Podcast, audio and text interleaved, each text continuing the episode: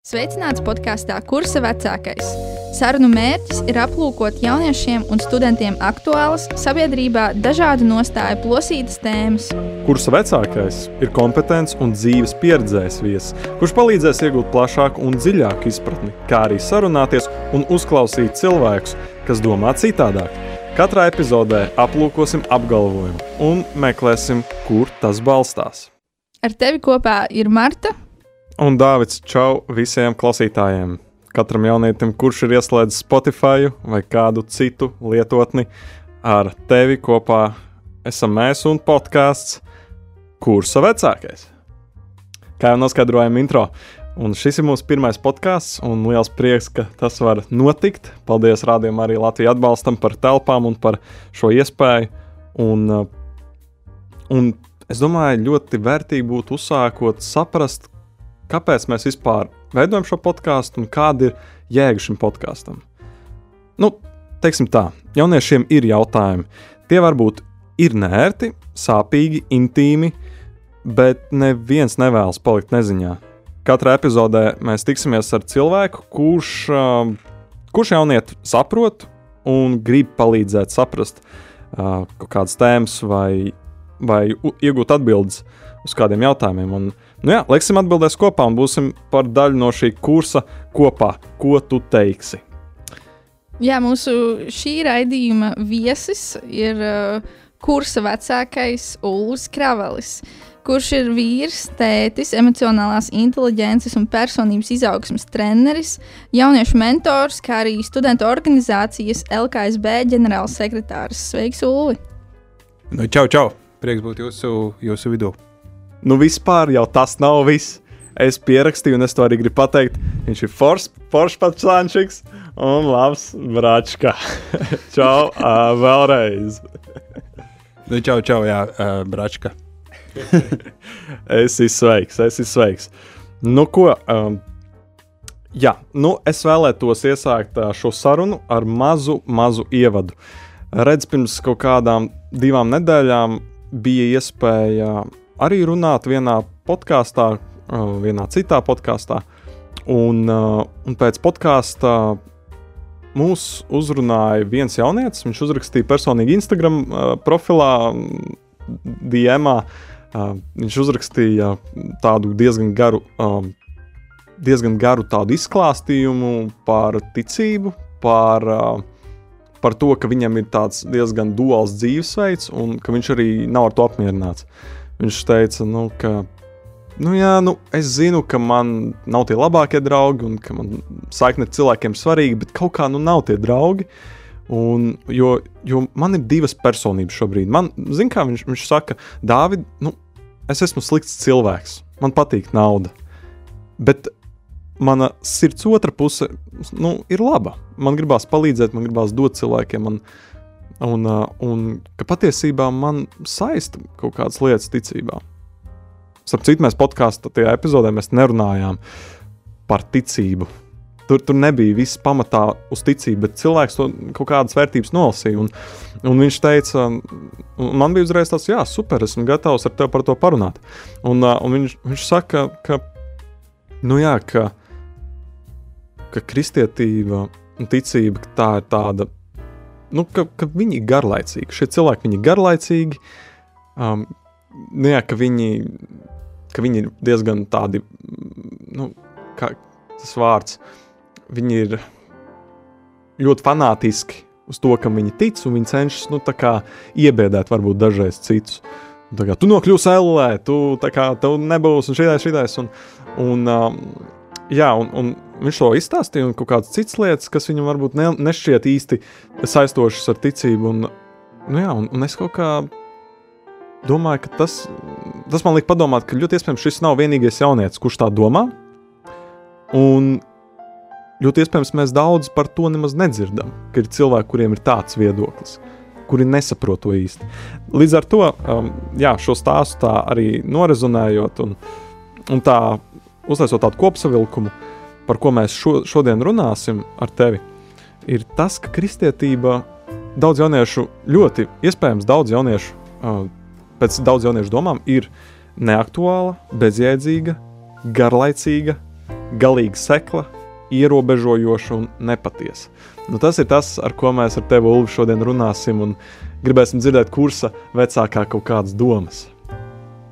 Jā, nu, Nikns starts jāsaka uzreiz tādi eh, spēcīgi apgalvojumi, ka neaktuāli, bezjēdzīgi, garlaicīgi, sekli, ierobežojuši, nepatiesi. Tur, eh, cik mums epizodes tagad ir, eh, vai cik mums garš ieraksts? Trīs stundas, jā?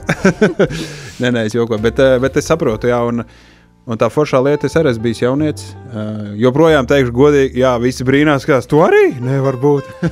jā, es arī esmu bijis jaunietis. Un, uh, godīgi teikšu, es jūtos ļoti, kā saka, jauns un sprauns vēl. Uh, daži saka, tikai sprauns, daži saka, tikai un. Bet vasals, vasals, jā. Uh, nu, lūk, bet, uh, jebkurā gadījumā man prieks, ka varam par šīm tēmām runāt, pacelt tās un, uh, jā, uh, maucam. Tad, tad, Respekt... Tāda, tāda apgalvojuma virkne mums te ir izveidojusies. Es domāju, ka mēs varam varbūt pa vienam sākt šķetināt. Um, ko, ko tu, Ulvi, uzskatīji par apgalvojumu, ka kristietība ir neaktuāla mūsdienās, īpaši jauniešiem? Nu jā, no neaktuāls noteikti ir tas, kas ir vai nu izgājis no modes. Uh, respektīvi, uh, bija laiks, kad, uh, kad es gāju vidusskolā, tad uh, aktuāli bija kļošanas. Džekiem, meitene, nu, kļošanais, tā, tas bija krūta.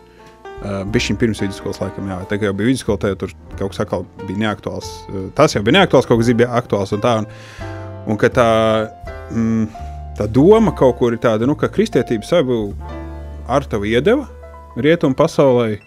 Nu, mēs sākām laiku skaitīt pa lielam, jā, pēc, uh, pēc Kristus uh, dzimšanas. Un, uh, nu, jā, viss. Vai ne? Nu, varbūt vēl kaut kādas lietas. Bet ka vairs nav aktuāli. Šodien, nu jā, nu skaidrs, tad mēs esam apgaismoti, zinātne mums palīdz, un tā, un tas, ko kristietība iedod, tik neaktuāli, tik uz mums šodien vairs neatiecās. Un, un es gribētu teikt, ka tas ir diezgan um, nepatiesi tāds apgalvojums kā tāds, jo uh, kristietības centrā ir persona Kristus, tāpēc arī kristietība ir kristietība, un Kristus pats saka, es esmu ceļš, patiesība un dzīvība. Un, uh, un šajā apgalvojumā es esmu, viņš lieto tā kā ilgstošo tagadni, saka, es esmu vienmēr, es biju vakar, es esmu, kā, es esmu vakar, es esmu šodien, es esmu rīt, visos laikos esmu. Un viņš to grib pateikt, es nekad nepalieku neaktuāls. Es nenovecoju, tas, tas nav kaut kas tāds, kas beigsies. Uh, jautājums, kā es varu sadzirdēt to, to vēsti, kas Kristum ir priekš manis šodien, tas jau ir cits jautājums, vai ne? Bet noteikti tas nav neaktuāli. Un es domāju, nu, cilvēki, uh, uh, ir tik daudz mentālās veselības problēmas. Arī jauniešu vidū aizvien jaunāki jaunieši cīnās ar izdegšanas sindromu. Es pirmo reizi uzzināju, ka tāda izdegšana vispār ir 23 gadu vecumā. Uh, jā, un, uh, ah, jā, ah, ok. Tagad jaunieši vēl nav pat vidusskolā. Viņi jau runā, jā, es esmu laikam izdedzis un tā tālāk. Man liekas, tik, tik ko? Līdz ar to tas ir tik ārkārtīgi aktuāli, ka cilvēks sevi nodzen un tā tālāk, kur, kur Kristus saka, uh, Uh, nu, ka viņš piedāvā to mierinājumu, to, ko pasaulē dabūt nevar. Saka, es tādu mieru tev gribu dot. Vai tas nav aktuāli? Tas ir aktuāli. Šodien, kur es varu dabūt mieru savā dvēselē, savā sirdī. Uh, vai arī kaut kādas depresīvas uh, uh, domas, vai pašnāvnieciskas, dažādas tieksmes, tā tālāk. Un, un, un daudzi ar to iekšēji cīnās un meklē kaut kādu jēgu, nozīmi, cerību, uh, kur Dievs saka, man ir žēlastības pilns domas par tevi.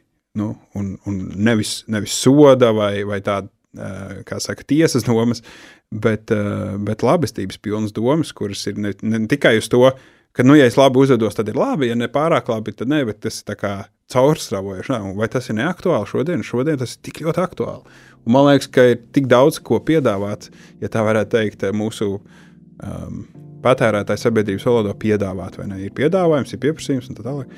Tā tādā ziņā kristietības piedāvājums nekad nepļu, nekļūst neaktuāls. Jo mūsu dvēselē ir tās ilgas un vajadzības, kuras vienmēr mēs kaut kur meklēsim, un, uh, un vienmēr būs aktuāli. Nu, tas ir mans pirmais uh, teiks, ja tā var teikt. Mūsdienās aktualitātes ir daudz un dažādas, bet uh, bieži izskanējoša ir tāda uh, um, tiek, tiekšanās uz iekļaujošu sabiedrību. Un, uh, tas tieši kristietībā, uh, cik ir zināms, ir ļoti konkrēti uzskati, nostājas, viedokļi par to, uh, kas, ir, kas ir patiesība, kas ir pareizs, kas nē, un kā tas uh, komplektējas ar to mūsdienu sabiedrības uh, iekļaušu, iekļaušanu un tiekšanos pēc aizvien iekļaujošākas sabiedrības. Jā, ļoti. Tu, nu, tu uzreiz vienkārši smags var pacelt vārtu. Paldies, tev! Nice! Forši! Pirmā epizode uzreiz. um, Iedrīkst jautāt, um, ko tu domā, tā kā iekļaujoši, ko tu tajā, ko tu iekļāvi šajā teikumā? Ja, iekļaujoši tādā ziņā, ka, lai arī kādi būtu uzskati, ka cilvēki spēj uh, dzīvot vienoti un uh, būt katrs ar savu individualitāti, ar to savu uzskatu, un tomēr, tomēr dzīvot tādā vienotā kopienas, Jā. iespējams pat. Uh, Mm. Nu, es teiktu, ka Kristus ir uh, aizsācis tam visam. Um, viņš un, un vispār Krist, uh, visa rietuma pasaules doma uh, no, nonāk līdz tādai vienlīdzībai, tādai iekļaušanai, ja mēs skatāmies jaunās darbības kontekstā. Uh, pirmajā gadsimtā, kad radās uh, svētie raksti un, un, un tās domas, ko mēs tur ieraugām, tās bija absolūti kontrkultūrālas domas priekš tā laika, un, un, un tās ir zināmā mērā uh, uh, bijušas tās, kas veido visu rietumu sabiedrību. Uh, kaut arī tā pati sieviešu līdztiesība, kad mēs skatāmies daudz, daudzās vēstulēs, ko apelsīns Pāvils raksta kristiešu kopienas ietvaros. Uh, viņš atsaucās uz, uz, teiksim, uz uh, um, bija tāds uh, precēts pāris, uh, Priscila un Akila, uh, ja es pareizi nosaucu viņu vārdus. Uh, tad Pāvils viņus abus divus pies, piemin. Nevis kā no sērijas tikai tas vīrs un viņa nams, nu, tie pārējie, kas tur neskaitās. Nē, viņš pieminēja abas divas, viņš iekļauj, jā, ja tā var teikt. Līdz ar to tā iekļaušana tas ir jau kaut kas. Un pats Kristus tomēr um, viņam pārmet par to, ka viņš uh, pavada laiku kopā ar tā laika sabiedrības atstumtajiem. Uh, tā, tā iekļaušana pēc būtības, uh, es esmu absolūti par to, un es nevienu uh, nestumju ārā no savas ikdienas, bet nereti ir tā, ka tieši kristīgo domu vai tādu tradicionālo domu, kaut kādu konservatīvo uzskatu kaut kādā jautājumā mēģina izspiest ārā un pārmest, ka viņi ir neiekļaujoši, vienlaikus mūs neiekļaujot sarunā. Nu tā, to gan es esmu piedzīvojis. Bet, bet tā doma, es domāju, jā, es, es, es redzu, un arī nu, kā, kā Bībele runā par to iekļaušanu, ka, ka no visām tautām un, un ciltīm eh, pie dieva troņa, ja godībā, mūžībā, viss tur būs no visiem, tur nebūs neviens ārā atstāts, uh, uh, kur nebūs kādam bijusi iespēja tur būt, ja tā var teikt.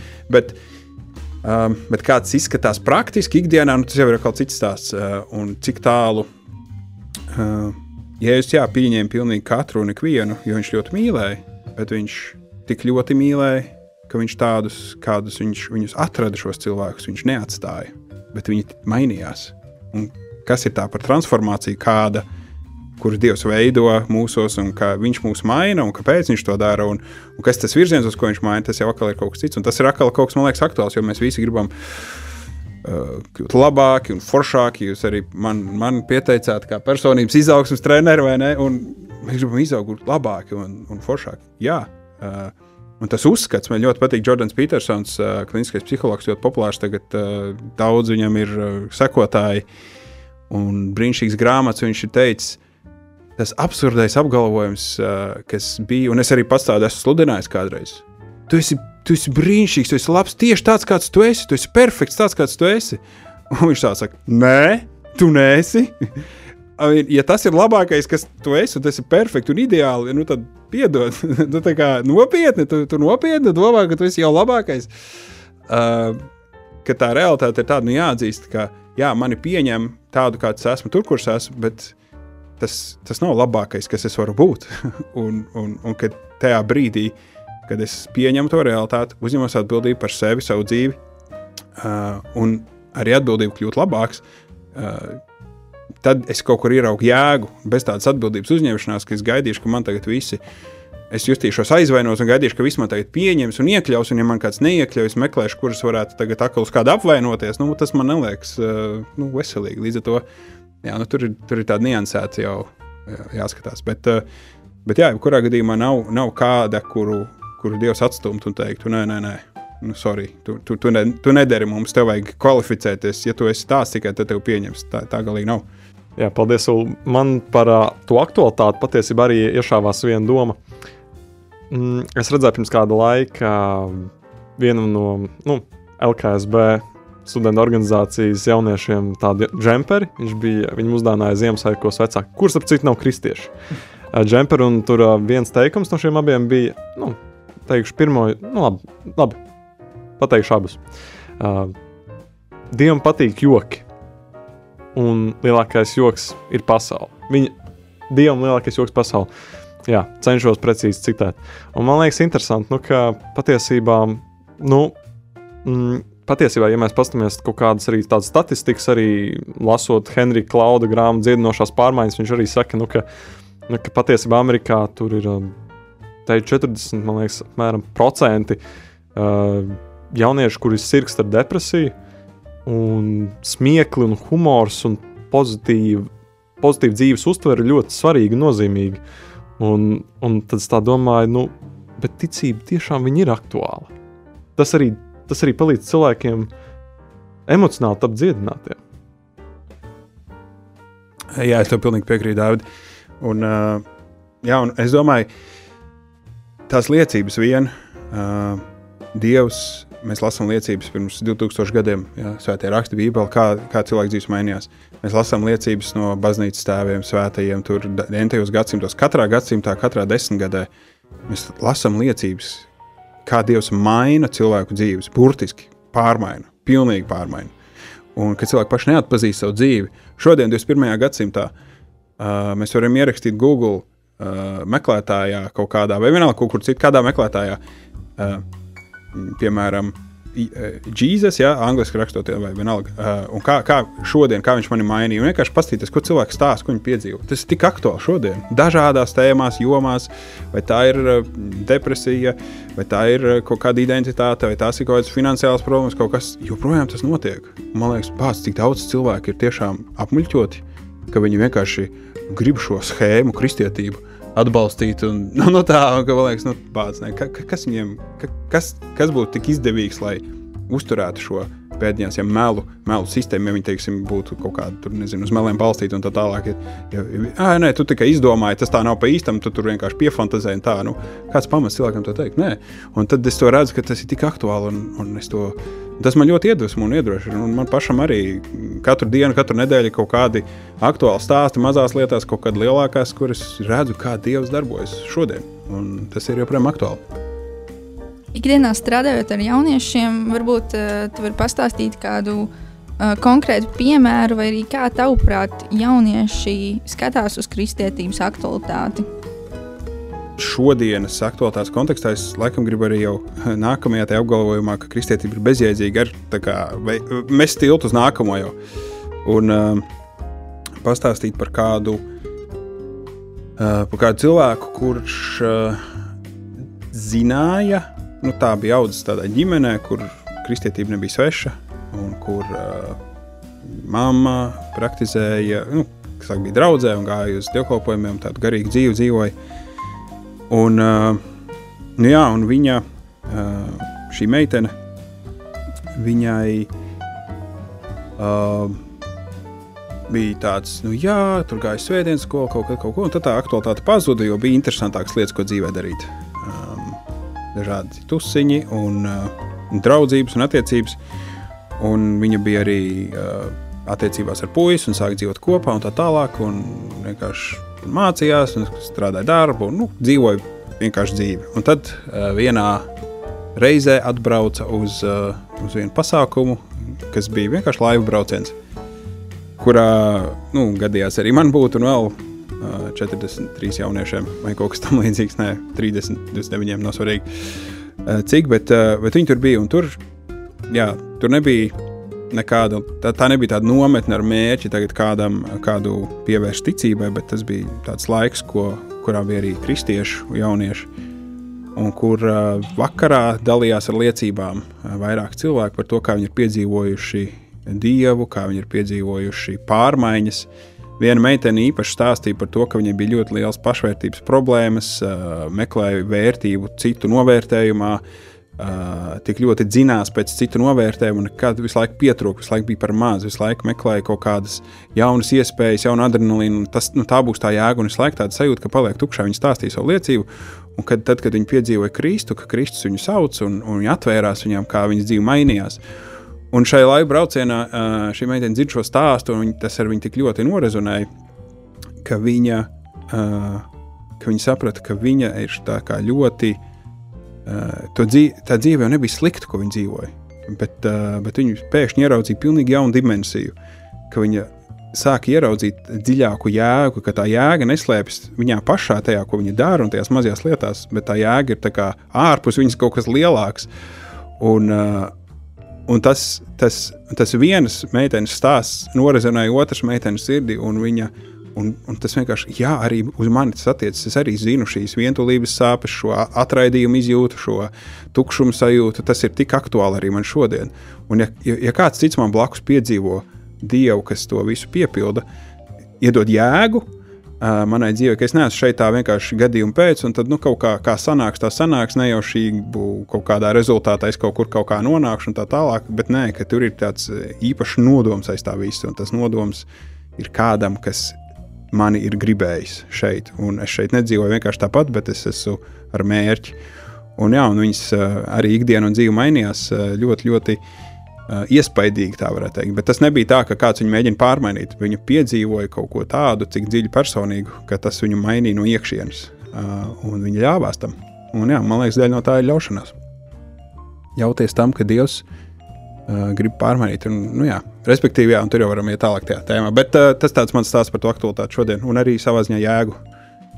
Jā, tu jau pieskāries mums uh, nākamajam uh, uh, apgalvojumiem bezjēdzīga un garlaicīga ir kristietība. Nu, man tas uzreiz asociējās ar to, ka kristietība pēc būtības uh, iespējams um, arī jā, sabiedrībā vēl tāds priekšstats, ka tā ir tāda cītīga baznīcas apmeklēšana, lūkšanās, disciplīnas ievērošana. Un, eh, jā, ir tāda noteikumu virkne, kurai ir, kurai ir jāseko, un, un noteikumiem sekot, ir garlaicīgi. Es, es teiktu, ka, ka tā baznīca, baznīcā staigāšana un tas, kas notiek baznīcā ēkās, tā ir taisnība, jā, tā notiek, tā ir, tā, tā ir pilnīgi patiesība. Bet man liekas, tāpat kā nu, katram aizbergam ir sava otra puse, kur iespējams cilvēki vai nu par kuru nezinu, vai arī vienkārši atskās pamanīt. Un, un es, es nezinu, ko lai saka. Šajā sakrā liekas, tik bezjēdzīgi runāt par to. Nu, tā kā bezjēdzīgi runāt par to, vai kristētība bezjēdzīga un garlaicīga. Jo es varu pateikt, godīgi, es pirms, nu, tā kā, ja jūs domājat, ka kristieši tiešām tikai sēž baznīcas solos un neko nedara, tad paklausieties šo pirms mēneša uh, ar šiem draugiem kur ir ar mani tagad šeit studijā. Mēs gājām peldēt, es nokritu no motocikla, un tie pašā dienā mēs vēl ko tikai nesadarījām. Nu, mēs, mēs pat esam gatavi reizēm, nu, arī iet ekstrēm, ekst, ekstrēm, ekstrēmos gadījumos. Nu, tā, ka, ka mums nav bailes, un mēs esam nu, brīvi. Mums, jā, jā bet... mums nav ierobežojumi tādi, kurus mēs sev uzliktu. Nu, kā, Jā, kā tas, kā tas tieši saistītos ar ticības dzīvi? Jo tu vari dzīvot arī ekstrēmi un uh, darīt jebko bez ticības. Ja mēs iemācītos uzdot īstos jautājumus, mums dzīve daudz jaudīgāk kļūtu. Nu tā, man liekas, tā ir tāda reāla forša vērtība, ka, ja man ir kāds, kas man uzdod jautājumu, par ko es pats nekad neesmu aizdomājies, vai kur man ir bijis slinkums to darīt, un tā tālāk, jā, tad man liekas, šī ir forša vieta, kur, kur mēs varam par tiem runāt. Tā kā paldies jā, par šo jautājumu. Uh, par, to, mm, par to garlaicīgumu um, un, un, un to, to jēdzīgumu. uh, par to jēgu domājot, man liekas, tā, ka, ka jēgu nevar atrast uh, lietā, lieta pati par sevi, piemēram, atslēgas. Jā. Uh, atslēgas pašas par sevi Eh, bez durvīm ir bezjēdzīgs. Ja nav, piemēram, slēdzenes, kurā ielikt atslēgu un kas tas to slēdzienu atslēgt, tad atslēgai pēc būtības nav jēgas. Atslēga kalpo kaut kam lielākam par sevi, un tad tā iegūst jēgu. Arī slēdzenēji nav jēgas, ja to neielikt durvīs, ja nav lielāks kaut kas par pašu slēdzenu, kurā tev ielikt, un tad viņi kalpo šim lielākajam mērķim, kas ir durvis. Durvīm savukārt nav jēgas, ja nav sienas. Savukārt sienai nav jēgas, ja nav mājas, un mājai nav jēgas, ja nav kāds, kas tajā dzīvo. Un tā tālāk, un tā mēs varam iet, un, tā, un tāpēc arī šo pašu analoģiju ņemot vērā, cilvēks nevar savu jēgu atrast pats sevī.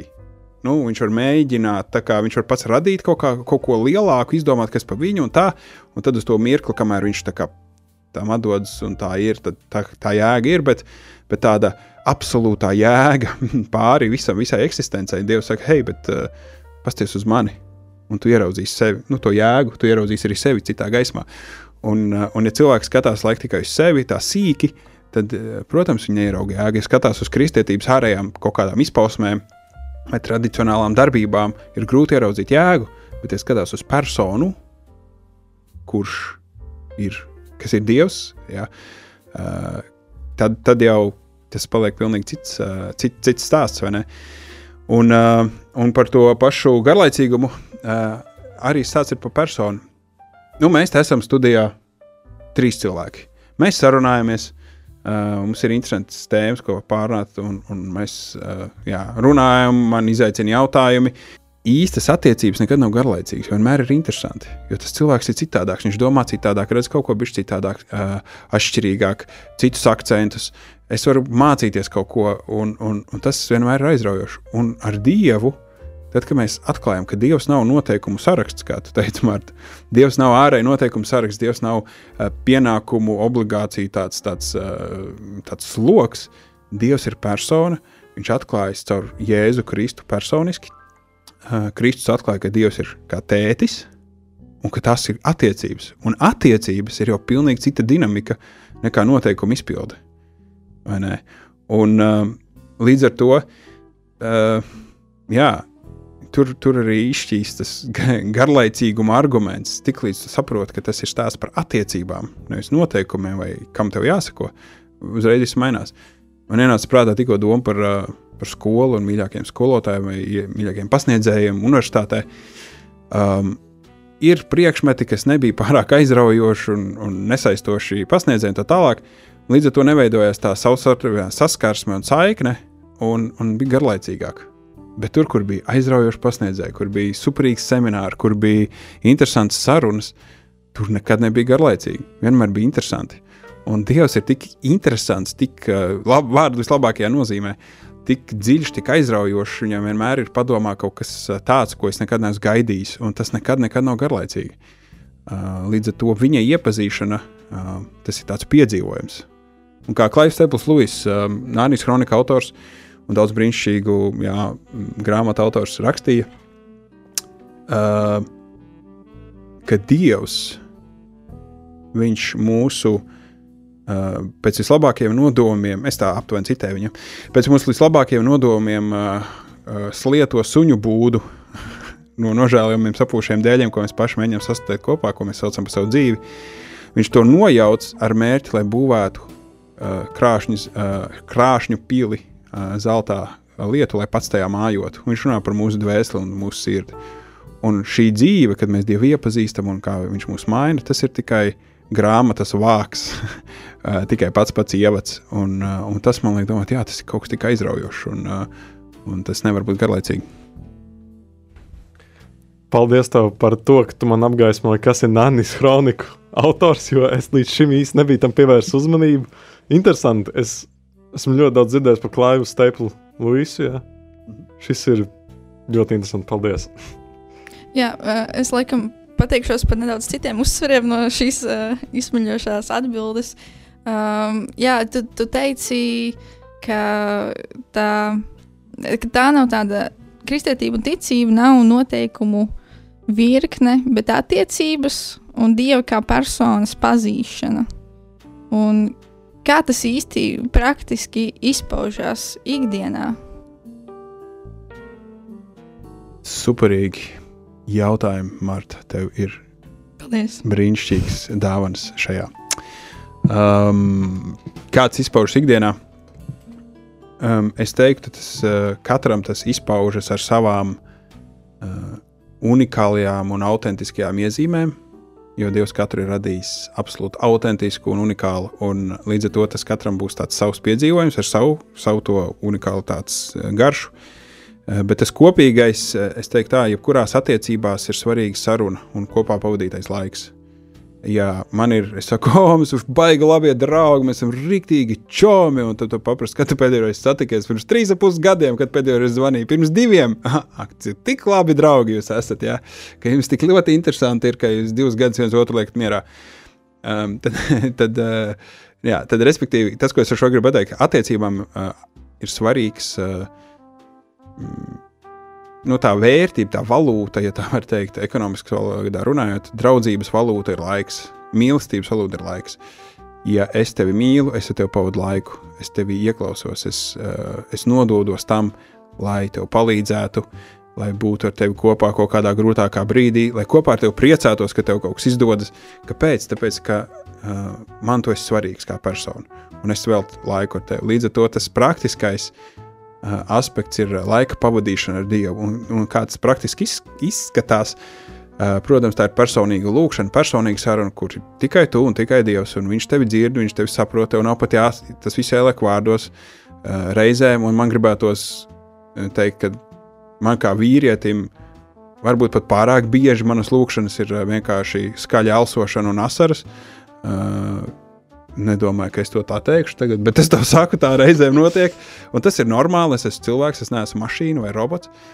Man sakrājās, es nezinu, kur to likt. Un es parasti aizbraucu uz salu, staigājos. Un, un tā ir mana vieta, kur es, es varu skaļi balsī reizēm. Jo tur neviens nedzird, tikai vējš tur gaudo. Un, nu, varbūt mans suns raida apkārt kaut ko tur dzenā gulbis, bet tas nav svarīgi. Bet tā doma, ka, ka man ir laiks sarunai. Un, un, Un es no visas sirds uh, runāju, es telefonu neņemu līdzi, tad, un, un vienkārši esmu tajā brīdī uh, savā, ar savām domām, ar savu, ar savu sirdi pievērsies dievam, un, uh, un es viņam stāstu visas lietas. Un tā pašā laikā arī klausīties, uh, jo saruna nu, attiecības ir divvirziena kustība. Tas nav tā kā tā dievs, uh, da, da, da, da, uzskaitu visas lietas, kas viņam būtu jāatrisina, jāizdara, jo viņš taču mani mīl, vai jau. Un nu, vienkārši čau. Un tad uh, gaida, kad uh, mans vēlmes saraksts tiks izpildīts. Ja. Uh, bet nē, ka es arī klausos tajā, ko Dievs man vēlas pateikt. Un, un, uh, viņš savu gribu ir atklājis uh, savā vārdā, Bībelē, uh, un pietiekami vērīgi un uh, uzmanīgi to iepazīstot. Es varu ļoti skaidri sadzirdēt, ko Dievs vēlas man pateikt un kā tas izskatās. Tas nevienmēr būs vienkārši, jo jebkuras attiecības sākot, uh, mēs uzreiz tā, oh, baigi, čomi, neesam, nesaprotamies. Lai arī Dievs mūs pazīst ļoti, ļoti labi, mēs Dievu vēl netik labi. Un uh, mums vienmēr ir kur iepazīt viņu dziļāk un plašāk. Līdz ar to uh, tas ir tāds ceļojums, kam vienkārši nodoties. Un, uh, un ar pacietību tā, jā, es ticu, es, es visu nesaprotu, bet es ticu Dievam, ka tu man atklāsi īstajā brīdī. Tāpat kā mazs bērns, kad piedzimst, uh, viņš nesaprot, ko vecāki viņa saka.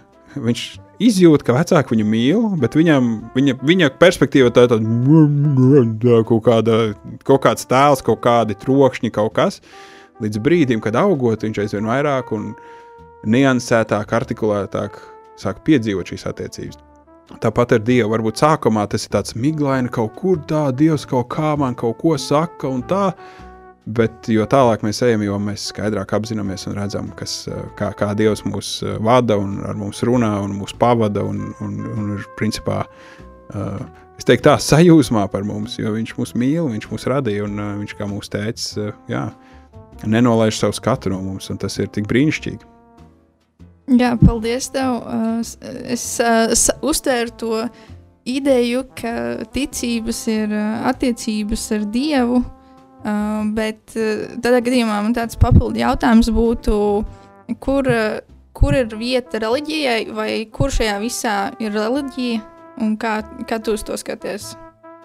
Vai ticība un reliģija ir viens un tas pats, vai tas ir kaut kas pavisam atšķirīgs? Kristietība konkrēti. Jā, Hmm. Pasta varētu vienkārši izplūst. um, um, jums mūzika ir zināma, nu, tā kā mūzikas kaut kāda termini. Zini, kas ir lī, līga? Mūzikas. Salīgot notis kopā? Jā, salīgot notis. Zini, jā. jā. Uh, Pastāst, kā, ko tas nozīmē salīgot notis. Nu, es neesmu mūzikas eksperts, uh, bet Es arī ne, bet tu zini vairāk, ja tu māki spēlēt ģitāru, piemēram. 4. klasē dziedāja korī, cik es zinu. Jā, nu, salīgot notis, tas nozīmē, ka sākās nākamā nots, bet tā ir savienota ar iepriekšējo. Tā kā, respektīvi, ka es nevis uh, dziedu atsevišķi do un rē, bet es no do pārēju uz rē vienā tādā vilcienā. Ja? Nu, tu man liekas, labāk redz, kā es tomēr, tomēr es esmu mūzikas eksperts šeit. Var būt. Jā, respektīvi, un vārds reliģija nāk no, uh, ja nemaldos, uh, latīņu valodas religio, par jaunu salīgot kopā, savienot. Un reliģijas mērķis uh, ir, ka cilvēka, respektīvi, tā doma, tāda reliģija ir cilvēka meklējuma, kā mēs varam uh, būt atpakaļ tajā, salīgot kopā ar mūsu radītāju, mūsu avotu, ar, mūsu, ar to, ka mūsu būtību un jēgu un tā tālāk. Tas ir tas reliģijas. Bet, bet tā doma, tā, tas ir cilvēku daļa. Mēs darām, es darīšu šo, un tad Dievs būs man apmierināts. Es izdarīšu šo, un, un tad viss būs labi. Ja es, ja, ja, ja es nopelnīju, nu tā, tad, tad, tad Dievam tas, tā, tā ir tā viena puse. Savukārt, kristietības vēsts pati būtība ir, jā, super, ka tu centies, bet tev nekas nesanāks. Jo tu esi tik ļoti tālu grēkā pazudis, ka man ir jākāp lejā pie tevis. Jo tu pats nekad neaizsniegsi mani. Un, un, un, un tas ir ja tā, var teikt, fundamentāli atšķirīgs pamats. Reliģija, jeb reliģiozitāte ir tāds mans, me, me, mani centieni būt dievam tīkamam, un ticība ir atklāsme, ka Dievs mani pieņem par spīti manām nepilnībām, dāvā attiecības, un šajās attiecībās viņš mani padara labāku. Nevis es pats, nu tā, protams, būs mana piepūle, mana disciplīna, jo es gribu kļūt labāks, un, un mana miesas vājība, un mans slinkums, un rakstura nepilnība, un izlaidība, un tā tālāk, tas pret mani, pret manu garu, pret manu sirdi sacelsies pēkšņi kā tāds milzīgs ienaidnieks. Uh, kur kādreiz likās, ah, vienalga, viss tā un tā, bet tiklīdz es piedzīvoju dievu mīlestību, saprotu, bāz, ka es esmu vergojis kaut kādām iegribām, kaut kādām nu, kā tukšām idejām un nu, vispār kaut kam bezjēdzīgam. Un, uh, un līdz ar to uh, uh, tā ir tā manā, manā uztverē tā milzīga atšķirība. Savukārt, ja runājam kristietības kontekstā, ir daudz dažādas tradīcijas, uh, kur ir dažādas uh, prakses garīgas, vai ne, teiksim, lūkšanu prakses vai, vai, vai lūkšanu veidi un tā tālāk. Uh, tie, ir, tie ir dzimuši no, no tā, ka, hei, es esmu zinot, ka Dievs man mīl, es esmu piedzīvojis šo mīlestību, un, un tas notika šādā veidā, un tādai kopīgai svinēšanai, laika gaitā tas ir palīdzējis un tā tālāk. Bet bez šīs personīgās pieredzes, šīs prakses var likties bezjēdzīgas un tukšas. Savukārt, ja tev ir personīga dieva, dieva pieredze, eh, tad tas var ie- iegūt jēgu. Un arī ne visiem katra prakse būs, kas saka, tīkama un saprotama un tā tālāk. Bet, uh, Jā, bet tas var palīdzēt noturēt tādā vienotībā vai kaut kā tamlīdzīga. Tā ir atkal cita tēma. Bet, ja tu jautā tieši par reliģiju un ticību, tad, tad tas, tas reliģio tā, un, un, un, un, jā, un tā, tā joma man liekas, ka tas ir tas svarīgākais. Ieraudzīt, Dievs nāk pie manis. Un tikai tāpēc, ka viņš pie manis atnācis, es viņam varu atsaukties. Nevis es viņu atradu, jau! Uh, jā, ja arī tu atradi Dievu, super, bet to tu atradi tāpēc, ka Dievs tev atklājās. un viņš tev ļāva sevi atrast, ja tā var teikt. Ok, bro, vai tu piekrīti tam, ka ticība un, un augšana ticībā palīdz reāli ja, cilvēkam? Tas ir fakts ļoti daudziem, tas tā ir noticis. Nu, atbrīvoties no mazvērtības, no kompleksiem nu, pie, un pieņemt savas īpatnības kaut kādas. Gan fiziskas, gan uh, personības. Uh, jā. Piekrīt. Man jāpakomentē arī. Ka... jā, Nu, Nē, paldies. Jā, jā, ā, darbs- jā viss tā. Ja vien tu vēlies. jā. Um, jā, jā, pilnīgi noteikti. Um, tie, kas mani nepazīst un neredz un pirmo reizi dzird, uh, es pateikšu tā, man starp priekšējiem uh, zobiem augšējā rindā ir šķirba. Varētu iebāzt uh, desmit centu monētu pa vidu. Tad, Nu tā. Nu, tā kā Madonai, bišķi mazāk varbūt. Man bija milzīgs komplekss. Es uh, nevarēju pasmaidīt uh, daudzus gadus ar uh, nu, vaļēju smaidu. Tāpēc, ka man likās, uh, nu, tas ir slikti. Es, es kaut, kas- kaut kas ir neizdevies. Un es, kas smaidīju, man, nu, Dārvids ar uh, Martu redzes tā. Nu, smaidīja, smaidīja tā, ka hm, tikai, tikai ar lūpām zobus. aizsedzu zobus. Jā, tieši tā. Jo nebija, nu, nebija tur ko rādīt. Un, uh, un tad, kad es iepazinu Dievu, man tas prieks iekšējais bija tik liels, ka man bija man sāk palikt gluži vienalga. Nu, tā kā citi vai redz vai neredz. Un tas ievainojums man nāca no vienas uh, septītā klasē, uh, Rosala Ballīdas dzimšanas dienā vienai meitenei. Uh, tas bija tajā laikā, kad gāja dzimšanas dienā, un tur bija Rosals. so, yeah, tas ir superīgs balīts. Um, un mēs spēlējām kaut kādu spēli, un tā, un tad viņi visi tā draudzīgi iesmēja, ka Ulvim ir reti skaisti zobi. Un tas bija vienkārši šķēps manā sirdī. Un senāk no 7. un 8. klases līdz pat 12. klasē, 11. klasē man bija ļoti grūti smaidīt, brīvi smaidīt. Un tad 11. klases beigās, 12. klasē bija viens cilvēks, kas sāk stāstīt par Dievu, par saviem piedzīvojumiem, tā tālāk. Tas jau ir vēsturisks podkāsts, kā, kā Dievu iepazīstināja personīgi. Tā. Un tad uh, ar laiku es nepiefiksēju, ka es jau pilnīgi, man pilnīgi vienalga, es smaidu, priecājos, viss ir kārtībā. Un, uh, un tas man personīgi ļoti, ļoti ietekmē. Un es zinu daudz citu cilvēku stāstus, liecības, un ar laiku tas uh, nu, vienkārši atslābstu. Es saprotu, kas ir svarīgākais. Un, jā. Es tev pilnībā saprotu, jo man visu, visus pusauģus gadus, man liekas, nu, līdz kaut kādam mirklim, nu, līdz viss pienzobi izkrīt man reāli. Nu, labi, tev tā ir paliekoša tāda īpatnība. Starp citu, ļoti forši. Tiešām daudziem tā nav. Un tu vari salīdzināt sevi ar tādiem tiešām foršiem cilvēkiem, pazīstamiem. Madonna, jā, pilnīgi gandrīz. Nu, nu negluži pilnīgi identiski, vai ne? Bet, nu, vismaz zobi. Jā, bet, uh, bet man arī bija arī, nu, diezgan grūti smaidīt. Man daudzās bildēs var pagātnē redzēt, ka man arī tāds, nu, nu tas parastais smaidiņš, zin kā. Tā kā telefonā emoji, tas creepy, tas smaidiņš, vai ne? Līdzīgi, identiski. Un, uh, un jā, es tev tajā lietā ļoti labi saprotu. Un, un Dievs palīdz rīktīgi pieņemt tādas īpatnības. Nu, otrs man liekas, nu, ka tu teici, nu, ka tu paliki, nu, tā, tev, tev tas likās, nu, saka, saka, mm, ir ok, nu, lai saka, ko viņi domā.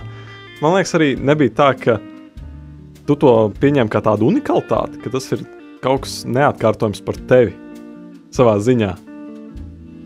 Uh, jā, protams. Un, nu, nu, man bija vēl tur ar jo, jo var arī uh, nu, zobus savilkt, saregulēt, uzlikt brekets un tā tālāk. Un tiešām skaists maigs un var būt. Un, uh, un tad man bija tāds pārmetums mammai iekšējs, ka "Un kāpēc viņa man neaizved, nesaregulēja man tos zobus. Nu, tā.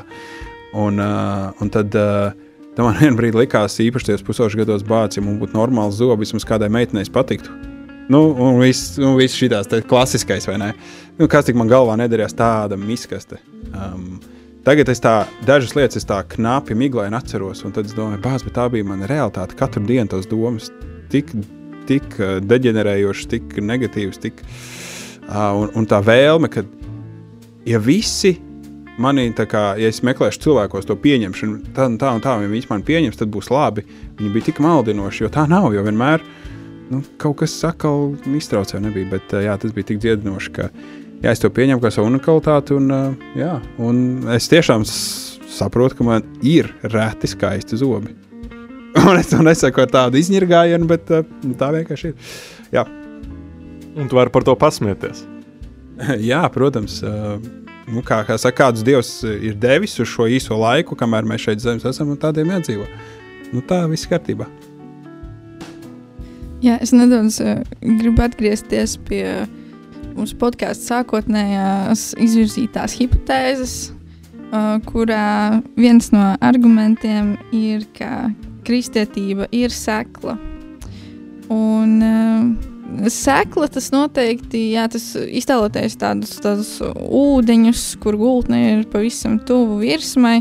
Tādā ziņā, ka tur noteikti tas balstās uz kaut kādiem pāris argumentiem, kas ir tādi nemainīgi, un, neviens varbūt uh, necenšas tos apgāzt, tā tas ir, un ar to mēs dzīvojam tālāk. Un, jā, Ulu, kā tu uh, skaties uz šo? Jā, mm.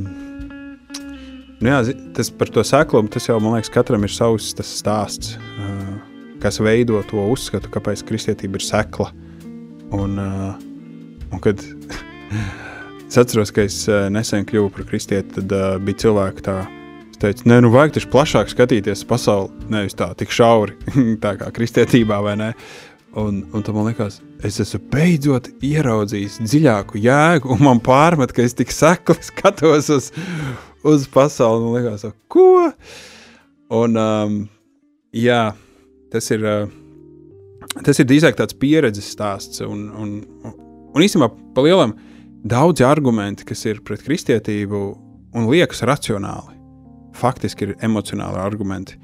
Uh, arī lasot par emocijām, tādu pašu emocionālu inteligenci, ko jau nedaudz pieminējāt sākumā, uh, mēs pieņemam emocionālus gan lēmumus, gan spriedumus par sevi un pasauli daudz vairāk nekā mums liekas. liekas es tā racionāli izdomāju, tā, tā un tad, un tad apmēram, uh, nezinu, pasaule ir ļauna un tev ir jāizcīna savu vietu tajā. Ja, tas ir tāda vienkārši ir. Un tad tu to pieņem emocionāli, un tad tu ielasi to visās situācijās. Kur tu nonāc, iekāp autobusā, ah, viss cīnās par savu vietu, un tad tur veikalā viss cīnās par to, ah, kurš paņems labāko banānu no stenda. Vienkārši visur ir cīņa, tu to visu redzi. Bet kāpēc? Tu redzi, tāpēc, ka tu to piedzīvojies. Un, un tagad tu to visu lietas virsū un attaisno. Jā, es teicu, ka tā ir tāds pašpie, pašpiepildošais pravietojums, un kad, nu, apmēram, Ja dzīvē viss ir slikti, tad ej, kur gribi, un tiešām dzīvē viss būs slikti. Good luck, tev tās brīvības palīdz. Un, tā. un līdz ar to man liekas, ka arī šīs, nu, šajā apgalvojumā par kristietību, tā ar atvērtu sirdi un prātu tu skaties, okay, ko kristietība pēc būtības saka, un kāds ir, tad, tad viņi visi izirst, nogāžās, sabrūk vai nesašķīst. Un par to seklumu ir līdzīgi. Es teiktu, ka cilvēks varbūt nav pabrīdis dziļāk, um, jo, jo, ja grib dziļumos iet, tad tur Tur nevar tā ātri, hop, ātri, ātri ieniru, pusotru kilometru dziļumā, ātri izniru un aizgāju mājās. Tas tā nenotiek. Uh, līdz ar to to dziļumu nevar tā ātri um, vienā YouTube reel video vai uh, TikTok uh, garumā iepazīt. Nu, tas tā nenotiek. Uh, tu vari ieraudzīt kaut kādu tādu foršu sauklu un tādu, jā, šis mans dzīves moto, un tad nākamajā dienā tev ir nākamie pieci moto, un tādus laiku tu pa virsmu tur plakājies. Ja? Um, Protams, var arī dzīvot kristietībā sekli, būt krist, tā kā jau par kristieti, būt attiecībās Dievu, bet arī neiet dziļāk. Nu, tas arī ir iespējams. Uh, bet pati kristietība kā tāda ir, ir ārkārtīgi dziļa. Kāpēc? Pirmkārt, tāpēc, ka tā ir tik bagāta vēsture, tā ir tāda um, kongruenta vēsture. Matemātikas pamat uh, atceramies. Visi tagad ne visiem liels acis, kas tas tāds kongruents, saskanīgs. Ka ir tas vienots, saskanīgs stāsts, uh, neatkarīgi vēstures avoti par pirmā gadsimta Romas impērijas vēsturiskiem notikumiem, jaunās derības vēstures liecības. Tas, tas, tas viss saskan, tas viss veido vienu lielu saskanīgu stāstu. Viņš ir tik dziļš un tik uh, visu dzīvi izzināms, ka teologi pavada uh, desmitiem, de, vairākiem desmitiem gadu uh, lai, lai ienirtu dažos aspektos no tā, kas vispār kristietība ir. Nu tā, tur par to, pa to seklumu tur, uh, nu, jā, tur, tur neiztur kritiku. Protams, varētu runāt par sabiedrībā tagad, uh, teiksim, nu, kristietību, jā, cilvēks saka, jā, iesim dziļāk un, un padara kristietību liberālāku nu, tādu ļoti tā kā, pasaules standartiem atbilstošu, nu, tikai lai nav no jāmainās. Jā, jā, es sekošu visam tikai, nu, tikai lai es varētu dzīvot tā, kā man patīk. Vai ne? Un meklē pēdējās, tā, kā Pāvils apelsīns Pāvils raksta, tā sauktos dziļumus. Nu, bet tur nav dziļumu, tur ir vienkārši tādi aizvien attaisnojumi, attaisnojumi, attaisnojumi par to, kā uh, izpatikt tādām uh, iegribām, tādām miesīgām, ja tā var teikt. Bet, uh, bet jā, tas dziļums ir, uh, ir fantastisks. Man vienmēr pārsteidz, kad es lasu, piemēram, jauno derību. To es daru jau nezinu, kuru reizi savā dzīvē, un katru reizi lasot to pašu tekstu, ko es esmu lasījis, jau tās reizes pēkšņi es ieraugu, bet tur arī tā tas notiek. Un tas man atkal pārsteidz. Man liekas, nu, es to Jāņa evanģēlīju cik reizes lasīju, un es lasu, un pēkšņi viens vārds tā ielicis sirdī un acīs, un es par to domāju trīs, četras dienas no vietas. Jo tas tik dziļi kaut ko manī sakustina. Uh, Un, jā, un to var piedzīvot tikai nu, ejot tajā. Um, jā, es nekad neesmu nodarbojies ar to saucamo, kā viņi sauc, uh, snorkelēšanu vai to zemūdens, nu, to akvalānu, nu, tur, kurš saka, jā. Bet, uh, jā, tas arī ir tāds, tāds, tur vajag sagatavoties, vajag ienirt, un tā tā noskaņot, un tad, bet tad, kad tu tur esi, tad ir wow. Un tas būtu interesants tāds piedzīvojums. Tas ir pilnīgi citādāk nekā paplunčāties krastā, tur dubļos pasēdēt un pataisīt smilšu pilis un vajag forši. Um, tā kā var arī to, un var arī iet dziļumā. Tā kā visām gaumēm. Jā, man uzreiz nākamais jautājums ir, vai un kā kristietībā ir iespējams piedzīvot brīvību? Um, kā par brīvību, nu, ko domā ar vārdu brīvība? Um, tas ir pretnostatījums ierobežošanai, pretno, pretnostatījums kaut kādam noteiktam, um, jau iepriekš uh, pateiktam priekšā dzīves plānam, pēc kura ir jāvadās, uh, Mhm. no kura nedrīkst novirzīties, un uh, jā, kur, kur ir tā iespēja, ka tā, tā, tas faktors, ka cilvēks pats spēj pieņemt lēmumus un pats spēj būt brīvs savā rīcībā, un kā, bet tomēr būt kristietis, vai tas ir vispār iespējams? Es saprotu, jā, jo, jo tas droši vien ir sa- saskaņā ar to, ka tas priekšstats par to uzdevumu sarakstu, nu, tā kā šī, šitā ir kristietība, uh, un tad arī droši vien tas tā doma, nu, jā, ah, tu esi kristietis, ah, nu, skaidrs, un tad ir tā kā, tu nedrīksti to, tu nedrīksti to, un tev jādara tas, nu, tā, un ka tas nu, ir tā kā ierobežojoši. Tas arī ir. Nu, tomēr ir kaut kādas, kaut kādas robežas, taču kristietībā ir. Tas nav pilnībā Mm. kaut kas nepatiesas, ka tā nav. Tieši tā, bet tādas, kuras uh, mums palīdz dzīvot uh, veselīgāk, un nu, nu, tā kā mēs tā, lai mēs sevi neievainojam. Es domāju, Jā, jā, es saprotu. Paldies. Ļoti superīgs jautājums. Atkal. Um, mm, jā, jo mēs jau varam. ā, Cilvēks saka, es esmu brīvs, varu darīt, ko es gribu. Es esmu brīvs, varu pīpēt, un es pīpēju, un es esmu brīvs. Līdz brīdim, kamēr saprotu, ka tu vairs nevari nepīpēt. Un tad tavu brīvību pēkšņi tu sāc vergot tai savai pēdējās brīvībai. Vai es esmu brīvs, varu darīt, ko gribu, es varu gulēt ar cik mēģinājums gribu, man es esmu brīvs. Un tad tu saproti, 30, 40 gados pats varētu ģimeni un bērns, bet tu esi tā pieredzējis pie tādas izlaidīgā dzīvesveida, ka tu vairs nespēji un tu vairs neesi nemaz tik brīvs. Vai ne? Un jautājums ir, kas ir tā brīvība un, un kur tu esi noticējis eh, tādiem māņiem par brīvību un kas tad ir tā patiesā brīvība? Vai brīvība ir ļauties katrai, katram instinktam un katrai iegribai? Es esmu brīvs un varu ļauties, vai brīvība ir uh, spēt mm, īstermiņā, ilgtermiņā domāt, tā kā e- e- es gribu, kaut, es gribu baudīt uh, kaut ko brīnišķīgu un labu, kas prasīs piepūli un kaut, ko, kaut kādu darbu ar, ar savu raksturu, uh, un, un kaut kādus nē, vai ne? Uh, bet tad es būšu brīvs sasniegt to, kas- kas, ir tiešām manās ilgās iekšā. Nu, tā es, es tur varēšu nonākt. Ja tu gribi kaut ko, ja tu gribi, lai tev dzīve ir grūta, dari to, kas ir vieglāk. Ja tu gribi, lai tev dzīve ir viegla, dari to, kas ir grūtāk. Nu, tāds sanāk paradoks, vai ne? Bet, bet ir tā, tā, es esmu brīvs uh, priecāties pat tad, ja manā sistēmā nav alkohols. Es esmu brīvs uh, veidot attiecības, sarunāties pat tad, um, ja, nu, attiecīgi, ja nezinu, nu, man nevajag sevi izrādīt, lai es, lai es kaut kur justos iederīgs. Es esmu brīvs no vēlmes patikt cilvēkiem. Es esmu brīvs uh, uh, mīlēt, pieņemt kādu, kurš no, pilnīgi atšķirīgi no manis. Un, un, un tā tālāk. Uh, nu, tā ir tā brīvība, un tas ir arī tāds, um, tāds es teiktu, vesels ceļojums un domu uh, piedzīvot to. Un tad, kad tas ir piedzīvots, tad, uh, tad uh, tā otra, nākamā lieta ir pats, es, es gribu tajā palikt un staigāt. Un tad es saprotu, es sevi disciplinēju, kāpēc? Jo es gribu to brīvību saglabāt. Ne? Es negribu ļauties tam, tam sajūt, jo viss, arī fizikā, es aizmirsu, kāds jēdziens bija entropija, laikam, ka viss principā noārdās.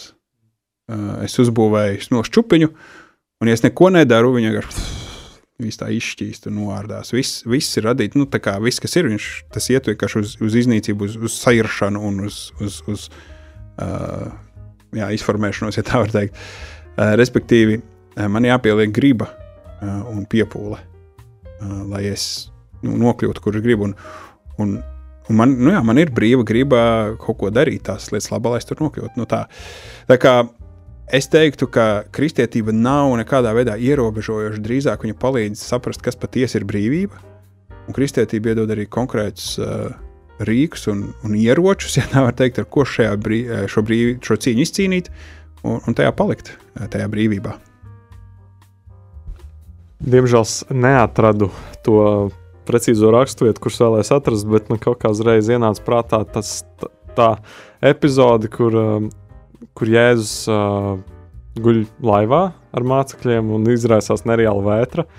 Un, un mācekļi viņam jautā, kā, Jēzu, Jēzu, come on! Tu tā kā negribi varbūt tos viļņus mazliet apklusināt, nu, kā, nu, dari, tu taču esi Dieva dēls, tu taču jāmāk to izdarīt, vai ne? Un, un viņš guļ, un, un viļņi tur metas tur uh, laivā, un viss kārtībā. Viņš izmanto opciju pagulēt. Un tad vēlāk viņš, viņ, viņš pamostās un viņš saka, ko jūs neticat? Kāpēc jūs neticat? Nu, kā, kāpēc jūs ne, nu, kā, es esmu Dieva dēls, jūs to nezinājāt? Es, es, un viņš paņēma apklusināja tā, ka viņi vispār nesakustējās. Un man šķiet arī, nu, kā Man personīgi šī, šī raksturvieta izraisīja tādas pārdomas, nu, ka mēs esam tik brīvi, cik ļoti mūsu ticība arī, nu, kā, cik ļoti mēs esam gatavi ticēt tam, ka mēs esam brīvi, man liekas. Un ka mūs nevar arī kaut kāda viļņa, kaut kā, nu, tas ir abstrakt runājot, bet, nu, tā salīdzinot ar reālo dzīvi, nu, kaut kādas grūtības, kaut kādi izaicinājumi, kaut kādi ierobežojumi, emocionāli, varbūt vienalga kādi, kurus mēs paši uzliekam, nu, ka tie mūs nevar ietekmēt. Ja mēs ticam, nu, ka ka mēs varam tiem pārkāpt, un ka Dievs arī patiesībā viņš ir mūsu sabiedrotais, un viņš, viņš ir mūsu draugs. Viņš vēlas palīdzēt, un, un viņš vēlas, lai mēs lietas darām brīvībā. Tāpēc, jā, man kaut kā šī, šī epizode ļoti uzrunāja. Arī pēdējās dienās. Un uh, mūsu šī raidījuma tāds noslēdzošais arguments ir, uh, ka kristietība vai kristietība ir patiesa, vai tā ir patiesība. Arī atsaucas uz Bībeles, kas, uz Bībeles tekstiem, kas vairāk kārt jau šeit ir izskanējušas. Kā mēs varam zināt, ka tā tas reāli ir bijis? Un, jā, kur, ir, kur ir arguments, ka tā ir patiesība? Jā, um, šis ir ļoti, vēl joprojām daudz arī teologu skatās uz dažādām raksturvietām un pēta. Un, un, um, jā, Bībele ir patiesa skaidrs, bet, bet cik daudz no tās Bībeles ir kā, burtiski patiesība, kas ir simboliski, jo, jo tur ir ļoti, ļoti dažādi žan, žanru literatūras darbi pašā Bībelē. Bībele sastāv no 66 atsevišķām grāmatām, 39 ir vecā derība, kas ir līdz Kristum, un pēc tam ir 27 jaunā derība, kas ir Kristus dzīves, tās četros evaņģēlijos un jaunās derības. Uh, tāda, tādas vēstures un noslēdzās ar atklāsmes grāmatu, kas ir tāds vispār, nu, pilnīgi, mm, varētu teikt, kosmisks lidojums. Nu, jā, viss kaut kas tur atklājās. Un, un, jā, tādi dziļumi un tādas lietas, ko tur nu, jā, nevar īsti ar prātu saprast. Visu, tāds, jā, ļoti interesanti. Un, respektīvi, kā, kā var zināt, kas jāuztver simboliski, kas jāuztver burtiski, kas jāuztver uh, nu, kā. Un, uh, un, uh, un tad arī tas būs tā kā ja es zināšu to, tad arī sapratīšu, vai Bībele ir, nu, vai kristietība ir patiesa vai nē. Un, un es domāju, lai, lai atvieglotu to lielo cīņu ar varbūt pašu, uh, jo Bībele ir tā, kas uh, faktiski formē un veido kristietību un kristietības domu un to garu un visu, visu, visu kas no tā nāk. Protams, arī cilvēku tās, tās pieredzes un prakses, bet, bet es tā vienkārši to visu sasumēju teiktu tā, um, ka mm, ir di divi galvenie tādi mani argumenti būtu cilvēciskais un vēsturiskais. Vēsturiskais būs tāds, ka, ja ņemam vērā uh, vēsturisko kā, avotu ticamības to metodi, pēc kura pārbauda, kas ir vēsturiski ticams un kas nav, tad uh, jaunās derības tekstu uh, visi tie manuskripti, manuskriptu skaiti, manuskriptu sakritības, cik dažādi manuskripti ir nu, vienādi un tā tālāk. Ir ar milzīgu atrāvienu priekšā visiem citiem vēsturiskiem avotiem, kas, kurus uzskata vēsturnieki par ticamiem. Eh, es tagad precīzos ciparos eh, nepateikšu, es eh, nepaņēmu tabuliņu līdzi, lai pastītos. Bet, respektīvi, tā doma tāda, ka senākais, piemēram, Jāņa evanģēlī teksts ir atrasts 130. gadā tas ir simts gadi pēc notikumiem. Un, un, un tavu kopiju skaits tur ir vairāki desmit vai pat simti. kas nozīmē, ka tas notikums ir nu, vēsturiski pēc tās, tās metodas nu, ļoti, ļoti ticams, ļoti augsta ticamība. Uh, kur, piemēram, dažādi citi darbi, tur Jozefs Flāvijs, kas ir vēsturnieks, ko daudz vēsturnieku citai, kas nav kristietis, bet viņš ir par pirmo gadsimtu daudz ko rakstījis, vēl citi. Viņi, viņu tie darbi ir daudz mazākā skaitā, saglabājušies, un senākais atrastais manuskripts ir nevis 100, bet 300, vai 400 vai 500 gadu nobīdi no faktiskiem notikumiem. Un tos tāpat uzskata par ticamiem, bet kristietības tie visi nu, raksti ir, ir vēl, vēl tuvāk tiem notikumiem, kad tie patiesi notika. Un tas ir tas vēsturiskais, ka nu, tur ir tik daudz argumentu, hei, bet tas ir, tas ir patiešām noticis. Otrs, es teiktu, cilvēcīgais, jo, uh, lai to uzrakstītu, kas ir pierakstīts piemēram, jaunajā darbā, lai to nodotu, lai to saglabātu, cilvēki ziedoja savu dzīvību. Cilvēki bija gatavi mirt Kristus dēļ. Tā nebija Romas impērijā, kur kristietība piezīmē. Tā absolūti nebija ne vadošā reliģija, ja, tur bija ļoti daudz dažādu Tur bija plurālisms, sabiedrībā bija nenormāli daudz dievības un dažādos reģionos. Vienā Romas impērijā katrā, katrā reģionā savi, savi tempļi, savi dievi un katrs imperators dievs, un tur, tad, tur vispār gāja ļoti jautri. Un kristiešus vajāja un mēģināja iznīcināt, apsūdzēt tur dažādos uh, notikumos, nezinu, Romas ugunsgrēkā apsūdzēsim kristiešus un metīsim viņus uh, arēnā, lai zvērus aplosa, un tā mēs remdēsim savus dusmas par to, ka Roma nodega ja, un tā tālāk. Bet, lai saglabātu šo vēstu par Kristu un, un, un tās apstuļu vēstules, eh, cilvēki maksāja ar savām asinīm. Un jautājums, vai tu būtu gatavs sadot savu dzīvību par to, kas ir meli? Tas ir pilnīgs sviests. Es, es vienkārši sēdēju studijā, izdomāju kaut kādu, oh, pasaule ir šitāda, vai izplatām šo ziņu. Un mūsu mēģinās nogalināt, eh, mēs, te, mēs sapratīsim, nezinu, mirst, atsakies no šīs mācības, un tā, un saka, ah, jā, īstenībā tie ir meli, labi, labi, nenogalini, es te biju saspiedos. Jā. Bet cilvēki mirra mocekļu nāvē. Viņi, uh, viņi bija gatavi dot savu dzīvību. Vai, vai, vai tu būtu gatavs mirt par tādu, kas ir meli? Jo jā, uz tādiem pamatiem, uz, uz šo mocekļu pamatiem, visa baznīca stāv, vai ne viņu liecības. Līdz ar to cilvēki ir bijuši gatavi dot savu dzīvi par to, ka tā ir patiesība. Nevis tā kā intelektuāla patiesība, bet tas, ko viņi piedzīvo ar savu dzīvi. Un arī šodien daudz cilvēki mirst dažādās pasaules vietās uh, tieši tāpēc, ka viņi vēlas sekot Kristum. Um, Āfrikā, dažādos reģionos, Āzijā ir ļoti daudz uh, vajāto kristiešu. Un, un, jā, un man liekas, ka tas, tas parāda, ka tas, ka, tas, uh, ka tas ir tik patiesi un tik īsti. Un tas, ka mēs turam šodien tādu smuku saliku grāmatu, Bībeli, jē, forši? Tas ļoti, ļoti daudz maksāja. Un vai mēs būtu gatavi tik daudz maksāt par meliem? Diez vai. Nu, ko lai saka? Wow! Amen! Preach, brother! Jā, nu, ļoti saturīga stunda mums bija un ļoti, ļoti interesanti un jaudīgi. Un, un patiesībā es domāju, ka ka noteikti cilvēki, kuriem šis bija nepieciešams zināt, un kuriem bija jautājumi, ka ļoti iespējams dažiem arī, kad, kad viņi uzzināja šīs atbildes, um, un nu, iespējams arī kāds stereotipi tika apgāsti. Jo, jā, es domāju, tā sasumējot uh, šo, šo, šo epizodi, es domāju, ka tiešām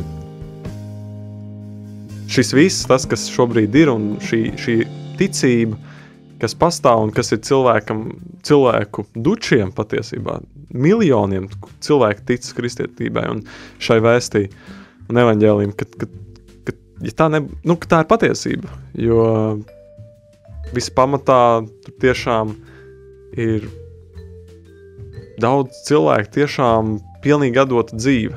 Un, un tiešām, kā Ulas teica, nu, mēliem jau parasti mēs neticētu. Īsti īsti meliem ir īsts kājas. Un, un es domāju, ka 2000 gadu nav īsts kājas. Pieņemsim, vai ne? Un, uh, Kristētība nav arī garlaicīga, kā mēs noskaidrojām, un tā ir ļoti daudz dažādas šķautnes. Tā, to var izdzīvot radoši, un neviena personības daļa netiek apdalīta, bet uh, tā paliek ar vien bagātīgāka un, un superīgāka patiesībā, esot kā kristietim. Un jā, kristietība dod cerību patiesībā bezcerīgajiem un tajiem, kuriem ir mazvērtības vai, vai kādas citas kaitas, slimības, ka tas tiešām, ka šī pārliecība, šī ticība, šī patiesība tiešām maina dzīves. Jā, bet nu, es gribu teikt paldies mūsu kursu vecākajiem. Paldies, Ulu! Diemžēl, kad izies no šīs studijas, tu vairs tāds nebūsi. Atvaino. Bet tu būsi mūsu vēstures grāmatās ierakstīts. Tālāk, paldies tev! Paldies jums! Bija ļoti vērtīgs laiks. Man vienmēr prieks pavadīt uh, laiku ar jauniem cilvēkiem kopā, un es pats arī jūtos jauns uzreiz. Uhu! Paldies! Ar tevi kopā bija Dārvids un Marta, un šī raidījuma kursa vecākais Ulus Kravelis. Tiekamies jau nākamajā epizodē. Prieks, draugs, ka biji ar mums kopā šajā epizodē. Var mums arī sekot līdzi turpmāk, sociālajos tīklos, uzdot sev aktuālos jautājumus un izteikt savus domas un viedokli, rakstot mums Instagram, lksb.lv, kā arī Facebook, Latvijas Kristīgā studentu brālība. Tāpat arī var sekot līdzi mūsu aktualitātēm YouTube, Latvijas Kristīgā studentu brālība. Līdz nākamajai reizei! Atā! Prieks, draugs, ka biji ar mums kopā šajā epizodē! Var mums arī sekot līdzi turpmāk, sociālajos tīklos, uzdot sev aktuālos jautājumus un izteikt savus domas un viedokli, rakstot mums Instagram, lksb.lv, kā arī Facebook, Latvijas Kristīgā studentu brālība. Tāpat arī var sekot līdzi mūsu aktualitātēm YouTube, Latvijas Kristīgā studentu brālība. Līdz nākamajai reizei! Atā!